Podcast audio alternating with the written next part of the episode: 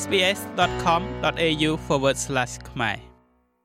ខណៈពេលដែលរដូវក្តៅដំបូងដែលគ្មានការរឹតបន្តឹង COVID-19 ចូលមកដល់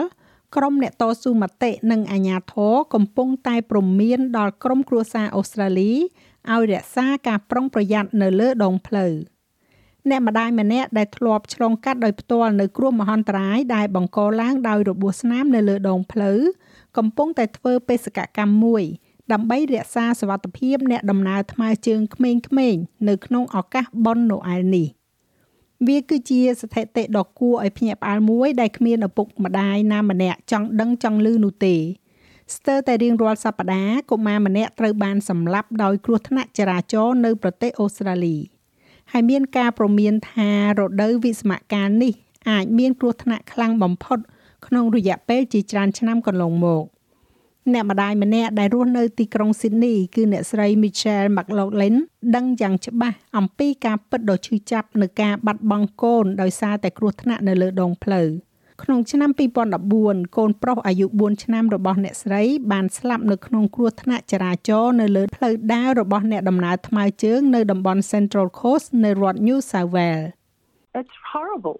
it's it's a terrible thing វាគឺជារឿងដ៏ឈឺចាប់ណាស់វាជារឿងដ៏អាក្រក់មួយដែលត្រូវឆ្លងកាត់ហើយវាបន្សល់ទុកនៅស្នាមប្រហោងដ៏ធំមួយនៅក្នុងបេះដូងរបស់អ្នក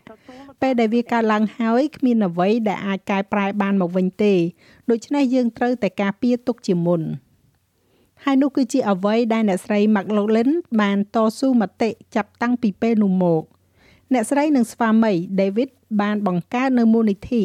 Little Blue Dinosaur Foundation ក្នុងឆ្នាំ2014ដើម្បីជួយលើកកម្ពស់ការយល់ដឹងអំពីគ្រោះថ្នាក់ចរាចរណ៍និងបង្ការកុំឲ្យមានកុមារដទៃទៀតបាត់បង់ជីវិតរដូវក្តៅនេះនឹងមានភាពមមាញឹកខ្លាំងបំផុតចាប់តាំងពីមុន COVID មកដូច្នេះអ្នកស្រី McLaughlin និងអ្នកជំនាញផ្នែកសុវត្ថិភាពចរាចរណ៍កំពុងតែអំពាវនាវឲ្យអ្នកធ្វើដំណើរនៅពេលឈប់សម្រាកកាយក្នុងប្រទេសអូស្ត្រាលី បន្ថយល្បឿនប្រុងប្រយ័ត្ននិងយកចិត្តទុកដាក់បន្ថែមទៀតនៅតាមផ្លូវប្រសពរវាងអ្នកបើកបរនិងអ្នកដំណើរថ្មើរជើងដែលមមាញឹក After 3 years of natural disasters and COVID បន្ទាប់ពី3ឆ្នាំនៃគ្រោះមហន្តរាយធម្មជាតិនិង COVID ដែលបានជះឥទ្ធិពលដល់វិស្មកាលរដូវក្តៅខ្ញុំគិតថា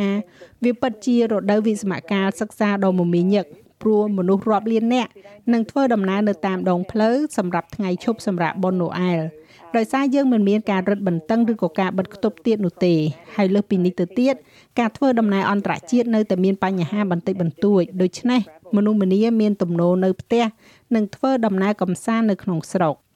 សាស្ត្រាចារ្យកិត្តិយសលោកស្រី Anne Williamson នៃមជ្ឈមណ្ឌលស្រាវជ្រាវផ្នែកដឹកជញ្ជូននិងសវត្ថិភាពផ្លូវថ្នល់នៃសាកលវិទ្យាល័យ New South Wales មានប្រសាសន៍ថាឪពុកម្ដាយនិងអ្នកមើលថែទាំត្រូវតែក្រើនរំលឹកកូនកូនរបស់ពួកគេ អំពីសារៈសំខាន់នៃការយកចិត្តទុកដាក់នៅពេលនៅជិតដងផ្លូវ Children, especially younger children, find it hard កុមារជាពិសេសកុមារតូចតូចពិបាកនៅក្នុងការវិនិច្ឆ័យទិសដៅនៃសម្លេងនិងល្បឿននិងចម្ងាយនៃយានជំនិះដែលនឹងមកដល់ពួកគេពិតជាមិនមានគំនិតច្បាស់លាស់អំពីហានិភ័យនោះទេកុមារថ្មើរជើងអាចផ្លាស់ទីដោយអន្ទះសារនិងមិនអាចទីទុកជាមុនបាន ហើយពួកគេមានរូបរាងតូច ធ្វើឲ្យអ្នកបើកបរពិបាកនឹងមើលឃើញ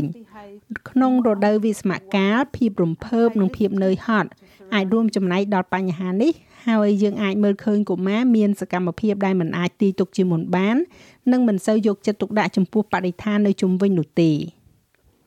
ចំនួនគ្រោះថ្នាក់ដែលបណ្ដាលឲ្យស្លាប់ចំពោះកុមារអាយុចន្លោះពី0ទៅ14ឆ្នាំមិនមានការប្រែប្រួលខ្លាំងទេក្នុងមួយទសវត្សរ៍ចុងក្រោយនេះ គ្រោះថ្នាក់ចរាចរណ៍នៅតែជាមូលហេតុនាំមុខគេនៃការស្លាប់របស់កុមារអូស្ត្រាលីនៅក្នុងវ័យនេះដោយក្មេងចំនួន43នាក់បានបាត់បង់ជីវិតក្នុងគ្រោះថ្នាក់ចរាចរណ៍កាលពីឆ្នាំមុនតែមួយឆ្នាំប៉ុណ្ណោះសាស្ត្រាចារ្យ Williamson កំពុងតែជំរុញឲ្យអ្នកបើកបរមានការប្រុងប្រយ័ត្នខ្ពស់ Now we know that slower speeds significantly ឥឡូវនេះយើងដឹងហើយថាការបន្ថយល្បឿនអាចកាត់បន្ថយចំនួនគ្រោះថ្នាក់ធ្ងន់ធ្ងរបានជាច្រើនគួរឲ្យកត់សម្គាល់ជាពិសេសសម្រាប់អ្នកដំណើរថ្មើរជើងហើយជាពិសេសទៅទៀតនោះគឺសម្រាប់កុមារ ឧទាហរណ៍នៅតំបន់ដែលមានការធ្វើដំណើរថ្មើរជើងច្រើន ការស្រាវជ្រាវនេះណែនាំថាអ្នកបើកបរមិនត្រូវបើកលឿនជាង30គីឡូម៉ែត្រក្នុង1ម៉ោងទេ ពីព្រោះក្នុងល្បឿននេះហានិភ័យនៃការបុកមនុស្សស្លាប់គឺ10%ហើយលើសពីនេះហានិភ័យនៃគ្រោះថ្នាក់កើនឡើងយ៉ាងលឿនដល់ប្រហែលជា90%នៅក្នុងល្បឿន50គីឡូម៉ែត្រក្នុង1ម៉ោង មូលនិធិ Little Blue Dinosaur Foundation នេះកំពុងតែអំពាវនាវឲ្យរដ្ឋាភិបាលគ្រប់លំដាប់ថ្នាក់ផ្ដល់មូលនិធិដល់គំនិតព្រួយផ្ដើមសវត្ថភាព និងយុទ្ធនាការប្រព័ន្ធផ្សព្វផ្សាយដើម្បីជួយលើកកម្ពស់ការយល់ដឹងអំពីសវត្ថភាពចរាចរណ៍ជំនួយការរដ្ឋមន្ត្រីក្រសួងហេដ្ឋារចនាសម្ព័ន្ធនិងដឹកជញ្ជូនលោកស្រី Carol Brown បានប្រាប់ SPS ថាផែនការសកម្មភាពសវត្ថភាពផ្លូវជាតិនឹងជួយការពារអ្នកប្រើប្រាស់ផ្លូវដែលងាយរងគ្រោះ The National Road Safety Strategy is supported by យុទ្ធសាស្ត្រសវត្ថភាពចរាចរណ៍ផ្លូវគោកជាតិត្រូវបានគ្រប់គ្រងដោយរដ្ឋាភិបាលគ្រប់លំដាប់ថ្នាក់ហើយគោលដៅរបស់យើងនៅឆ្នាំ2030គឺកាត់បន្ថយចំនួន50%នៃចំនួនមនុស្សស្លាប់នៅលើដងផ្លូវរបស់យើងនិងការកាត់បន្ថយចំនួន30%ទៅលើអ្នកដែលរងរបួសធ្ងន់ធ្ងរ ចាប់តាំងពីឆ្នាំ2014មកមូលនិធិ Little Blue Dinosaur Foundation បានជួយសម្របសម្រួលដល់ផ្លាកសញ្ញាសវត្ថភាពផ្លូវថ្នល់នៅក្នុងតំបន់រដ្ឋាភិបាលក្នុងស្រុកចំនួន63 LGA ប៉ុន្តែសម្រាប់អ្នកស្រី McLaughlin អ្នកស្រីចង់ទៅដល់តំបន់ទាំង537នៅទូទាំងប្រទេសអូស្ត្រាលីអ្នកស្រីនិយាយទៀតថាការបាត់បង់កូនប្រុសរបស់អ្នកស្រីបន្សល់ទុកនៅការឈឺចាប់ ដែលគ្មានក្រុមគ្រួសារណាមួយត្រូវឆ្លងកាត់ទៀតឡើយ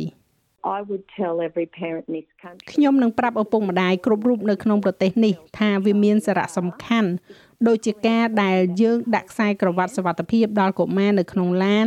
វាមានសារៈសំខាន់ដូចគ្នាដែលយើងត្រូវដើរកាន់ដៃពួកគេសម្រាប់ក្មេងអាយុក្រោម10ឆ្នាំ នៅពេលដែលយើងដើរនៅចំណតឡាននៅតាមផ្លូវថ្នល់ឬក៏ឈរនៅផ្លូវបើកបរនៅផ្ទះរបស់យើង សូមកាន់ដៃពួកគេ ជីវិតគឺមានភាពផុយស្រួយណាស់ហើយវាមានតម្លៃណាស់និងគ្មានអ្វីអាចជំនួសបានទេចាស់ហើយរបាយការណ៍នេះចងក្រងឡើងដោយ Brook Yang សម្រាប់ SBS News និងប្រាយសម្រួលសម្រាប់ការផ្សាយរបស់ SBS ខ្មែរដោយនាងខ្ញុំហៃសុផារ៉ានីចុច like share comment និង follow SBS ខ្មែរនៅលើ Facebook